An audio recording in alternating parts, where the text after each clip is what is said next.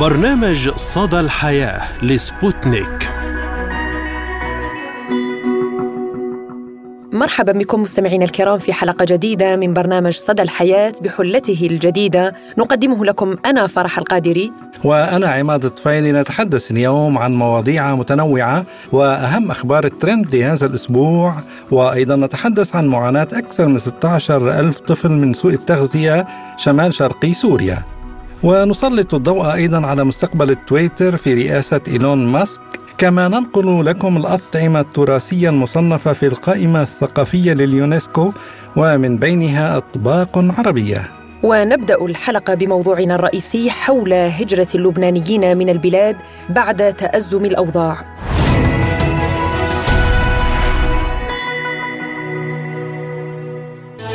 بحبك يا لبنان يا وطني.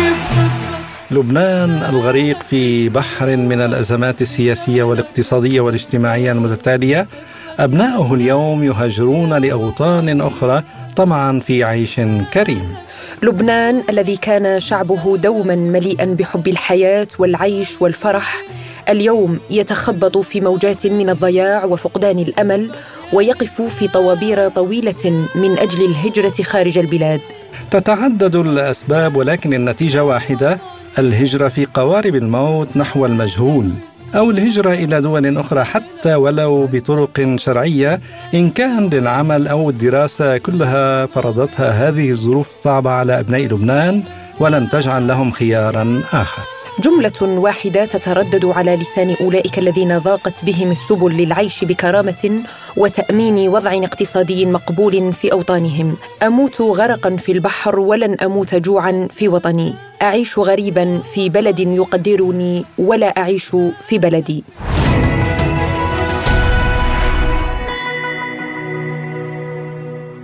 ولمناقشة الموضوع أكثر نستضيف معنا اليوم مستشار الدراسات الاستراتيجية في ندوة العمل الوطني الأستاذ مالك حجازي للحديث أكثر عن أسباب هجرة اللبنانيين وكيف يمكن مواجهة هذه الأزمة ضمن سلسلة الأزمات في لبنان. أهلا وسهلا بك أستاذ مالك ونبدأ من أن هجرة اللبنانيين إلى بلاد الاغتراب ليست بجديدة وتمت هذه العملية على مر عشرات السنين.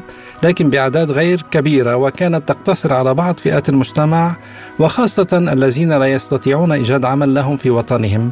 لكن أن تصل الأمور إلى مغادرة ألاف اللبنانيين من ذوي الخبرات العلمية والطبية البلاد هذا أمر مخيف برأيك إلى ما يعود أسباب هذه الهجرة.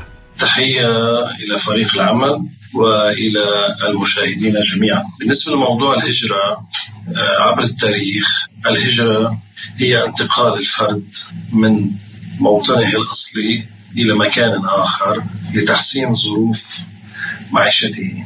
أما بالنسبة للشعب اللبناني فالهجرة هي أصبحت ثقافة. فقد بدأت الهجرة عند اللبنانيين عام 1860 كان في عندنا حرب أهلية دفعت قسم من اللبنانيين للهجرة جزء منهم لرفضهم الانخراط في آه، آه، هذه الحرب وجزء آخر لتحسين ظروفهم المعيشية. بعدين آه، الهجرة الثانية كانت خلال الحرب العالمية الثانية وعندنا كمان خلال الحرب الأهلية اللي دامت 18 سنة وشهدت أكبر عدد من هجرة اللبنانيين.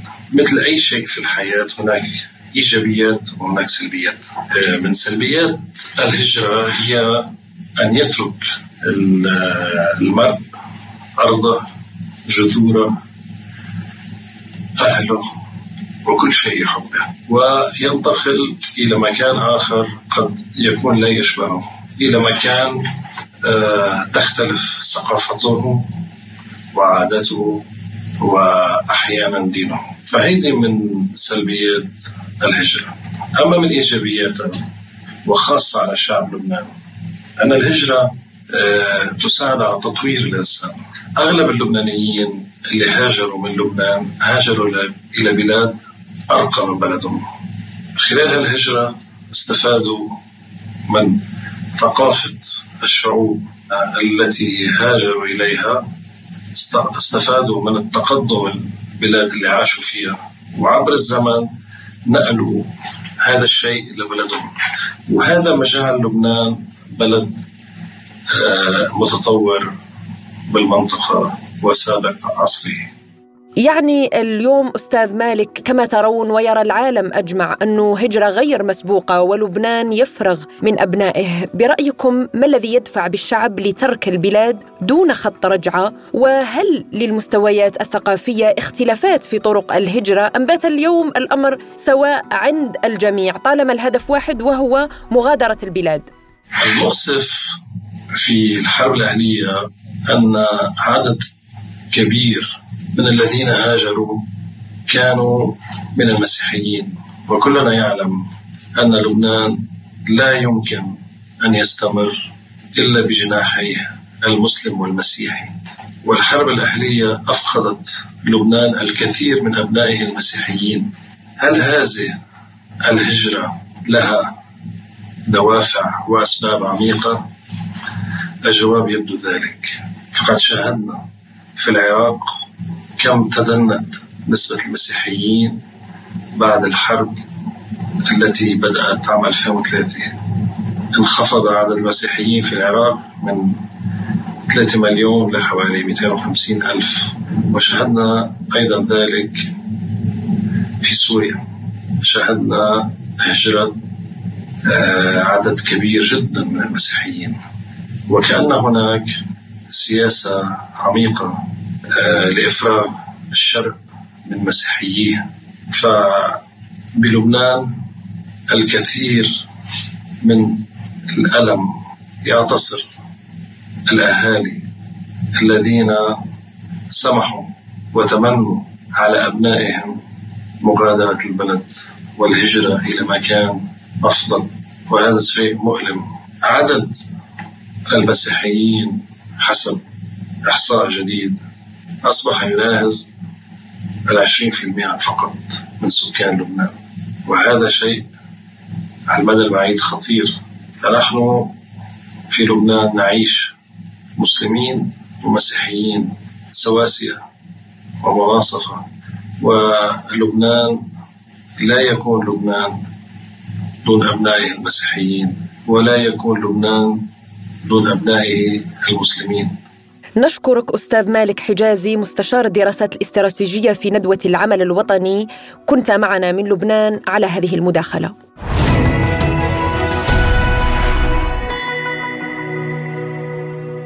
مستمعينا الكرام والآن مع مراسلة سبوتنيك زهراء الأمير في حوارها مع طبيب العلاج الفيزيائي اللبناني أحمد ملحم. آه، كلنا بنعرف انه لبنان عانى وما زال عم بيعاني من هجره الكوادر الطبية. هلا أكيد ما عندنا رقم وإحصاءات دقيقة عن عدد الأطباء. اللي هاجروا. بس ولكن بنعتبر إنه بين 25 و 30% من الكوادر الطبية آه، هاجرت. هلا أكيد بنفس الوقت نحن من كل الاحترام آه، والتقدير للسبعين بالمية من الكوادر اللي هي بعدها مؤمنة بلبنان وضلت. السبب الأساسي لهجرة الأطباء هي أكيد عدم الاستقرار الاقتصادي الأمني الاجتماعي. الأمر الخطير نعم. هو هجرة الكوادر الشابة يعني المتخرجين الجدد من الجامعات آه، وكليات الطب اللبنانية اللي هن حلمهم الوحيد وقت بيطلعوا وبياخذوا شهادتهم وبيأدوا قسمهم بنقابة الأطباء إنه يسافروا لحتى يكملوا دراساتهم العالية واختصاصاتهم الطبية، ونحن بنعرف قديش قدرت اللبناني على الاندماج بالاجتماعات بالمجتمعات الأجنبية. وإذا الأمور الاقتصادية والمشاكل اللي عم نعاني من ما انحلت بسرعة هودي الأشخاص وهودي الأطباء اللي هن بيمثلوا مستقبل لبنان الطبي رح ينخرطوا آه، بالمجتمعات الموجودين فيها ورح يكون آه، في عنا صعوبة لإعادة آه، جذبهم إلى المجتمع الطبي اللبناني. كما علق أستاذ علم الاجتماع اللبناني طلال عتريسي في حديثه لسبوتنيك أن ما يجري في لبنان جعل اللبنانيين أمام أفق مسدود. ما يجري في لبنان على الصعيد الاقتصادي الاجتماعي والأزمة السياسية المتواصلة جعلت اللبنانيين أمام أفق مسدود. ليس هناك أي رؤية واضحة منذ سنتين إلى اليوم على الأقل تشرح أو تتوقع تغير في هذا الوضع الحالي الذي كما يعيش اللبنانيون يزداد سوءا. وبالتالي أي شخص أي عائلة أي صاحب مهنة أي أي متعلم أي متخصص يبحث عن فرص خارج لبنان. وهذا طبعا يشكل آه، اولا خسارة كبيرة للمجتمع اللبناني لأن يعني هناك نزف للنخب وللخبرات المهنية أيضا. يعني نسب من الممرضين تغادر لبنان نسب من العمالة اليدوية تغادر لبنان بالإضافة إلى يعني الأساتذة الجامعات وأطباء وغير ذلك هذا نعم. طبعا يعني بسبب هذه الأوضاع الحالية ليس هناك آه، فرص آه، للعمل في لبنان حتى فرص العمل لا تنتج اليوم المردود المادي الذي يسمح بحياة لائقة. اذا الهجرة اليوم تبدو منطقية خلفياتها اقتصادية بالدرجة الأولى.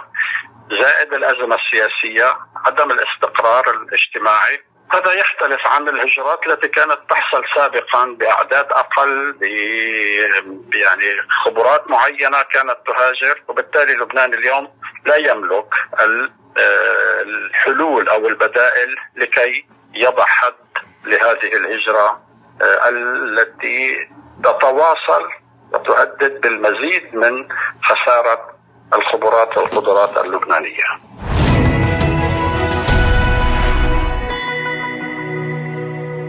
نواصل مستمعينا الكرام معكم حلقة اليوم بأهم الأخبار التي كانت ترند لهذا الأسبوع وما هو أول خبر لديك يا عماد؟ معاناة أكثر من 16 ألف طفل من سوء التغذية في شمال شرقي سوريا بارتفاع تجاوزت نسبته في المئة خلال ستة أشهر فقط وفق ما أعلنته منظمة أنقذوا الأطفال. واستنزف النزاع المستمر منذ 2011 المنظومات الخدمية في كامل أنحاء سوريا لكن الوضع يبدو أكثر هشاشة في المناطق الخارجة عن سيطرة الحكومة خصوصا جراء الأزمة الاقتصادية الخانقة الناتجة عن الحرب.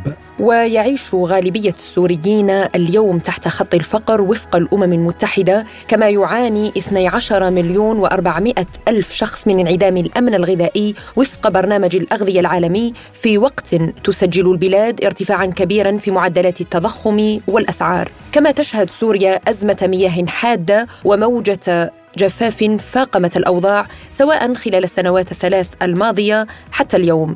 وأشارت المنظمة إلى أن خمسة مليون ونصف المليون شخص في سوريا سيصبحون بحاجة إلى دعم مباشر بالغذاء في 2022-2033 نصفهم في شمال شرقي البلاد. ودعت المنظمة الدول المجتمعة في مؤتمر المناخ في مصر كوب 27 إلى الاعتراف بتأثيرات التغير المناخي على المجتمعات وخصوصا الأطفال في أنحاء العالم كافة مثل جفاف شمال شرقي سوريا. أعلن الملياردير الأمريكي إيلون ماسك الرئيس التنفيذي لشركة سبيس إكس لاستكشاف الفضاء ومؤسس شركة تسلا والمالك الجديد لشركة منصة تويتر.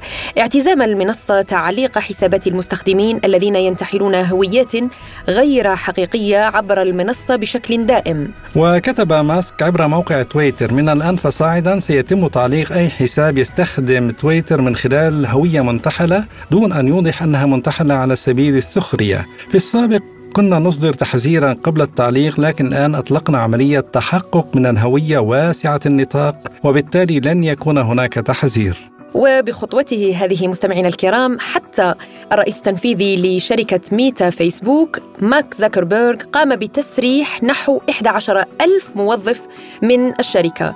الخبير السوري في أمن المعلومات ووسائل التواصل الاجتماعي جعفر بدران تحدث لنا عن أبرز الميزات التي سيشهدها تطبيق تويتر في وجود إيلون ماسك.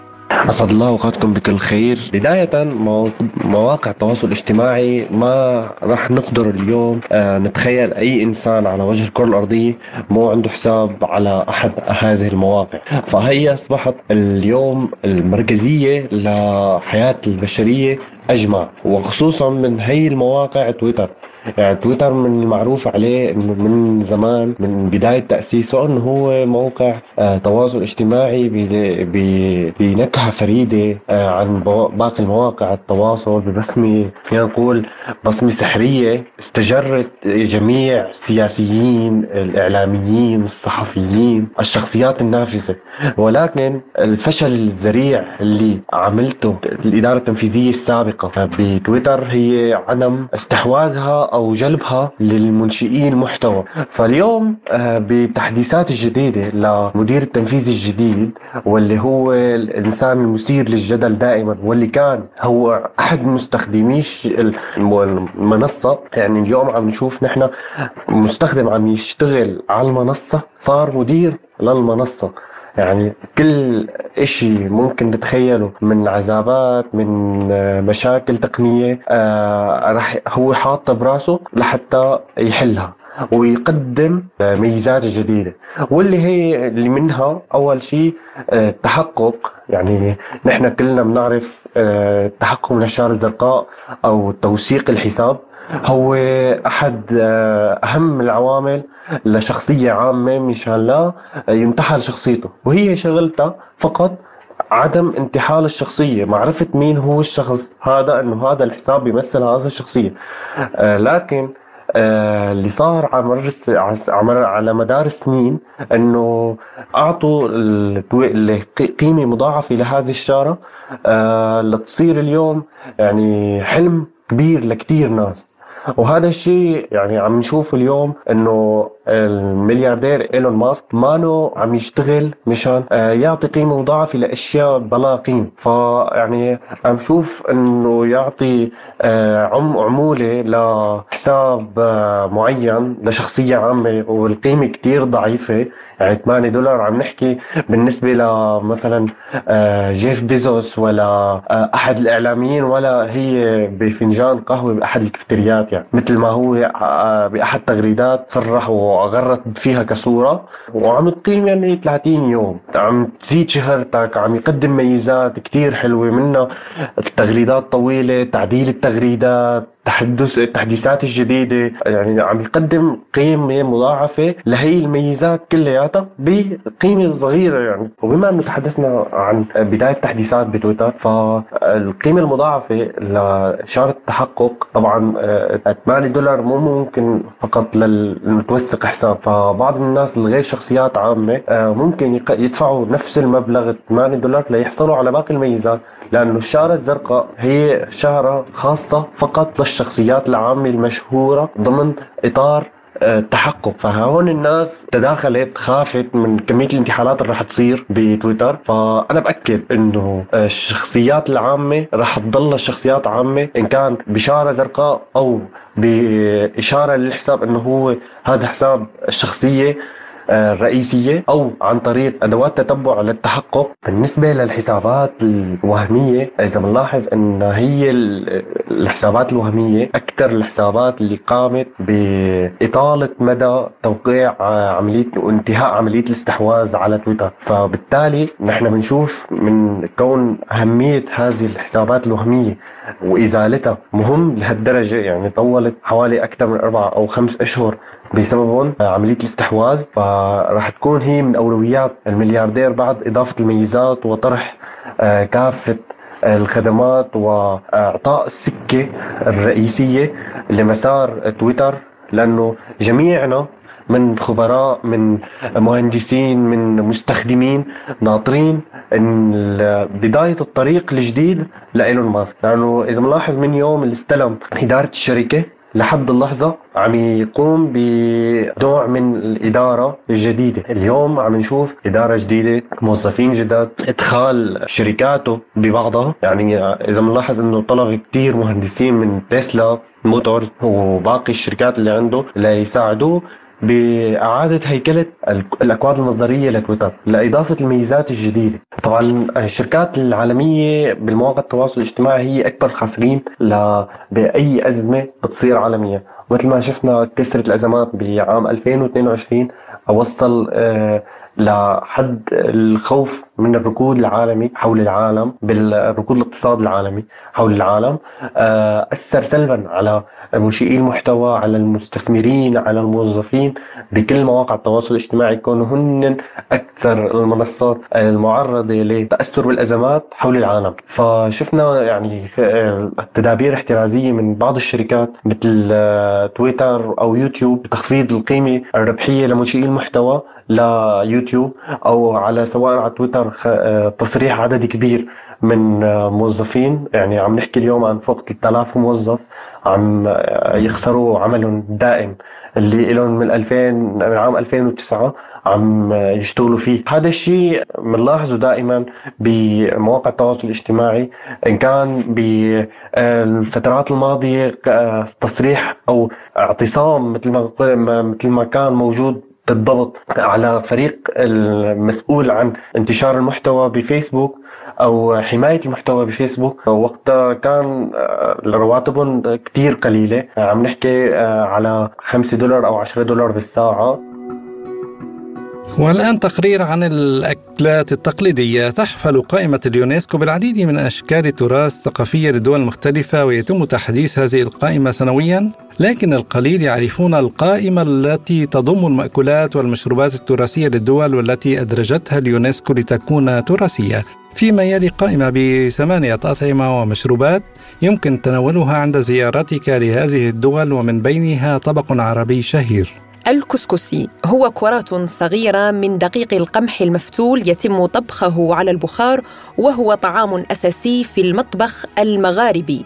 انضمت طريقة إنتاجه وتناوله في الجزائر وموريتانيا والمغرب وتونس إلى قائمة اليونسكو للتراث غير المادي عام 2020 ويمكن أن يؤكل الكسكسي مالحا أو حلوا مع اللوز والقرفة والسكر والورد أو ماء الزهر وأحيانا الزبيب ويسمى المسفوف. يتم تقديمه عادة مع الخضروات المطبوخة في مرق أو حساء ويمكن أن يكون حارا واحيانا أيضا يتم تقديمه مع اللحوم ويحصل الكسكسي على الحرارة ولونه البرتقالي المحترق من الهريسة. وغالبا ما يتم تقديمه مع المأكولات البحرية بالنسبة للولايات المطلة على البحر الأبيض المتوسط. وطبق الكيميتشي من المطبخ الكوري وحبات المكرون الفرنسية وخبز اللافاش في جنوب القوقاز وغرب آسيا وبيتزا نابوليتين المحترقة الإيطالية وعصيدة نسيمة الطعام الملاوي الأساسي في كل وجبة ووجبة هوكر السنغافورية ومن المطبخ الياباني وشوكو. وإلى أمريكا أين تزوجت ابنة ترامب الصغرى شاب من أصل لبناني وارتدت فستان من تصميم اللبناني العالمي إيلي صعب. وتزوجت تيفاني ترامب من الملياردير اللبناني الأصل مايكل بولس في بالم بيتش في بولاية فلوريدا. وتيفاني البالغة من العمر 29 عاما هي ابنة الرئيس الأمريكي السابق دونالد ترامب والممثلة مارلا مابلز اللذين تزوجا في الفترة من 1993 إلى 1999 والأخت غير الشقيقة لإيفانكا. وقالت والدة تيفاني لمجلة بيبول نحن نركز على هذا الاتحاد المقدس ونرحب بالأصدقاء والعائلة المحبوبين وليس على السياسة. وقالت أن العائلة اختارت المكان الذي أقيم فيه حفل الزفاف لأنه يعتبر منزل طفولة تيفاني والمكان الذي أتت فيه إلى هذا العالم. واختارت تيفاني فستان زفافها كإشارة إلى تراث عائلة بولس حيث أوضحت والدتها إنه حفل زفاف لبناني أمريكي. لذلك كنا سعداء للغاية لأن إلي صعب يخلق السحر. كذلك ارتدت مارلا فستانا من تصميم المصمم اللبناني العالمي إلي صعب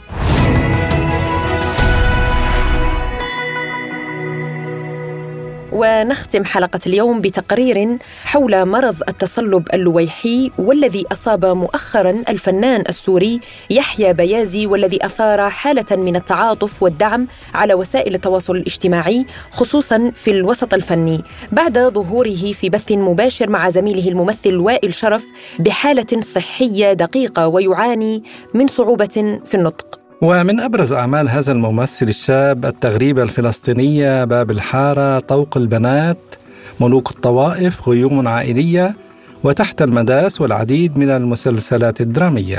ونحن بدورنا مستمعينا الكرام نتمنى له الشفاء العاجل وأيضا حتى نتعرف أكثر عن هذا المرض نترككم في فقرة طبية مع الدكتورة فاطمة عبد المجيد أحمد لتشرح لنا عن التصلب اللويحي التصلب اللويحي أو التصلب المتعدد هو مرض عصبي من أمراض المناعة الذاتية أي أن الخلايا المناعية تهاجم خلايا أخرى في الجسم ذاته كأنها خلايا غريبة. وفي حالتنا هذه الخلايا المهاجمة هي خلايا غمد يحيط بالأعصاب يسمى غمد الميالين أو النخاعين وخاصة في منطقة الجهاز العصبي المركزي أي في الدماغ والنخاع الشوكي. بالتالي الأعراض الناتجة عن الإصابة تختلف حسب بؤرة الإصابة. فعند إصابة العصب البصري وهي الإصابة الأكثر شيوعا يسبب ضعف رؤية وشفع رؤية أي رؤية الشيء بشكل مضاعف وقد يحدث لدينا العمى التام.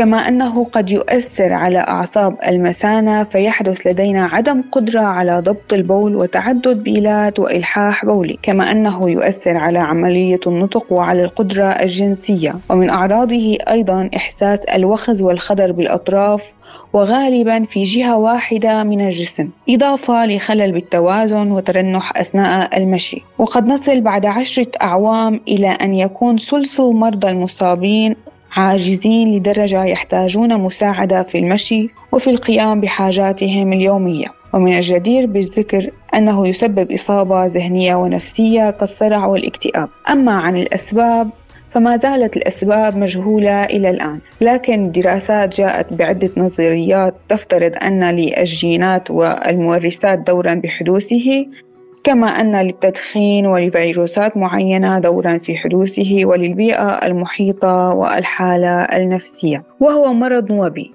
يحدث بشكل هجمات أي أن التظاهرات التي ذكرناها سابقا تأتي بشكل نوبات مختلفة بالدرجة وبالشدة ويفصل بينها أزمنة مختلفة. ولا يشترط أن تحدث كل التظاهرات السريرية السابقة في هجمة واحدة. أما عن عمر الحدوث فوسطيا في ثلاثينيات العمر. ويصيب النساء أكثر من الذكور وفيما يخص العلاج فلا يوجد علاج جذري حتى الآن لأمراض المناعة الذاتية لكننا نعالج الاختلاطات الناتجة عن هذه الأمراض كأن نعطي أدوية خاصة لمعالجة الأذية البصرية الحاصلة ولمعالجة الأعراض المسانية وغيرها وكأن نعطي أدوية وقائية لنخفف من شدة الهجمة وتواترها أيضا نستخدم المعالجة الفيزيائية لنعالج تحدد الحركة الحاصل والصلابة أي التشنج في الجسم. ولا ننسى دور الدعم النفسي خاصة أن هذا المرض يؤثر على الحالة النفسية والذهنية للمريض. أما عن سير المرض فهو يختلف من شخص لآخر فبعضهم يبدأ عندهم بشكل نوبات مختلفة. أما عن سير مرض التصلب المتعدد فلدينا ثلاثة أنماط. النمط الأول وهو الأكثر شيوعا ويصل إلى 80% من الأنماط. ندعوه النمط الناكس الهاجع وهو عبارة عن شكل دوري من الهجمات والهجوع أي السكون. وبين هذه الهجمات يعود المريض لحياته بشكل طبيعي أو يعود وهو يشعر ببعض الآثار من هذه الهجمة. النمط الثاني هو التقدمي الثانوي يبدأ كالنمط السابق الناكس الهاجع بشكل دوري من الهجمات والهجوع ومن ثم يتراجع بالتدريج وقد يختفي نهائيا. النمط الثالث وهو الأقل شيوعا ندعوه التقدم الأولي منذ البداية يبدأ بشكل مستمر ومترقي من دون أن يكون لدينا آه، هجمات وهجوع ونؤكد تشخيص المرض التصلب المتعدد بالإضافة للمظاهر السريرية التي تطرقنا إليها سابقا. نؤكد التشخيص بالرنين المغناطيسي وببذل النخاع الشوكي. أدام الله عليكم الصحة والعافية. نصل وإياكم مستمعينا الكرام إلى ختام حلقة اليوم من برنامج صدى الحياة. كنت أنا معكم من استديوهات إذاعة سبوتنيك في موسكو عماد الطفيلي. وأنا فرح القادري. دمتم في أمان الله وحفظه. إلى اللقاء.